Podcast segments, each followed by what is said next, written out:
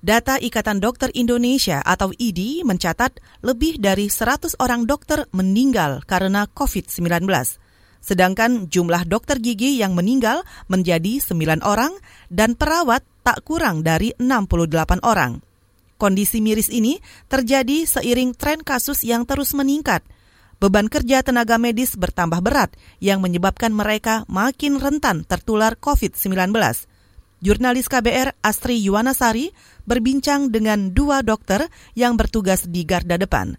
Simak laporannya berikut ini.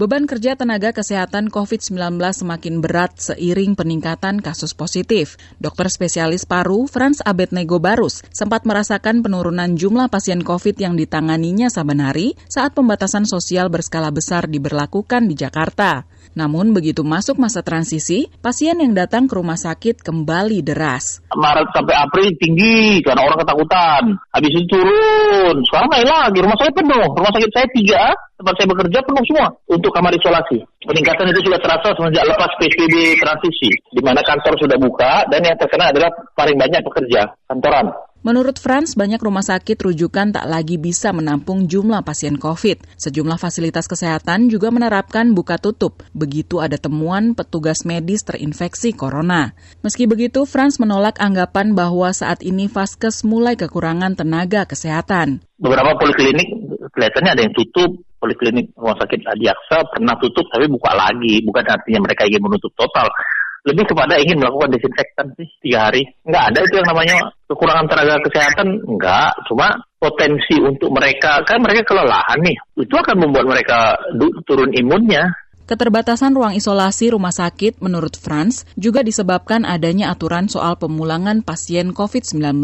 Pasien baru boleh keluar jika sudah menjalani dua kali tes usap dengan hasil negatif meski sudah tidak bergejala. Menurutnya, prosedur itu malah membuat ruang isolasi penuh, padahal banyak pasien kritis yang butuh perawatan syarat dipulangkan itu adalah dia berani dia bisa mandiri nggak ngurus dirinya sendiri? Bisa mandi sendiri bisa makan sendiri? Apa bedanya sekarang? Kalau kamu ketemu pasien dengan gejala ringan saran isolasi di rumah iya kan? Nah terus kenapa pasien yang positif kenapa harus ditunggu negatif baru boleh pulang ke rumah? Padahal dia udah udah main game udah udah pacaran di handphone itu kan mengurangi kapasitas ruangan bagi mereka-mereka yang butuh banget. Franz menyebut banyak tenaga kesehatan yang terpapar COVID-19 berawal saat menangani pasien penyakit lain. Idealnya, pasien dites usap sebelum diberi tindakan. Namun, lantaran biaya tes masih terlalu tinggi, sebagian pasien menolaknya. Jika belakangan pasien itu diketahui positif COVID-19, maka kemungkinan besar tenaga kesehatan yang menanganinya juga ikut tertular. Dokter-dokter bedah itu selalu mengkonsulkan ke paru sebelum bedah.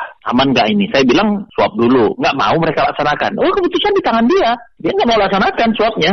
Maksudnya si pasien nggak mau dia perintahkan swab. Padahal kalau diperintahkan swab, walaupun ada beberapa pasien yang keberatan soal biaya. Yang herannya swab tidak masuk BPJS. Itu bingung kami. Itu kan berarti soal sistem ya.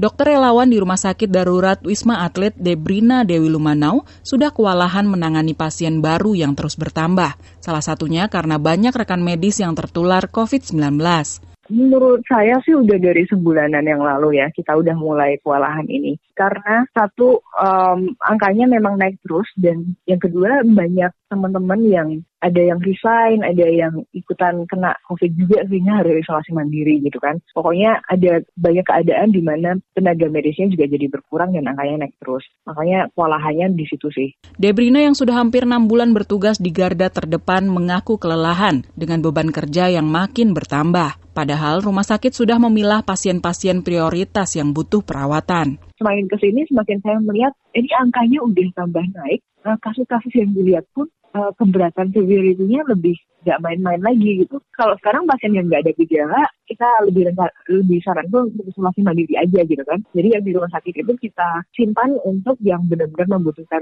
perawatan medis gitu. Dan itu pun dengan sudah pilih-pilih seperti itu pun, angkanya udah nggak terkontrol lagi gitu naiknya. Debrina menampik pernyataan Menteri Kesehatan Terawan Agus Putranto yang menyebut tenaga medis tertular COVID-19 karena tak disiplin menjalankan protokol kesehatan. Menurutnya, pejuang medis garda terdepan rentan tertular karena harus memikul beban kerja yang berat. Kerja lembur dengan mengenakan alat pelindung diri lengkap bukan lagi hal aneh di Wisma Atlet saat ini. Meski jauh dari ideal, Debrina tetap berkomitmen menjalankan tugasnya menyelamatkan pasien. Memang kami sekarang terus terang kalau saya pribadi nih, terus terang saya pakai banget nggak secara, eh, secara fisik dan mental gitu ya. Dan seperti yang kita tahu, orang yang kecapean jauh lebih gampang uh, jatuh sakit karena imunitas berkurang gitu kan.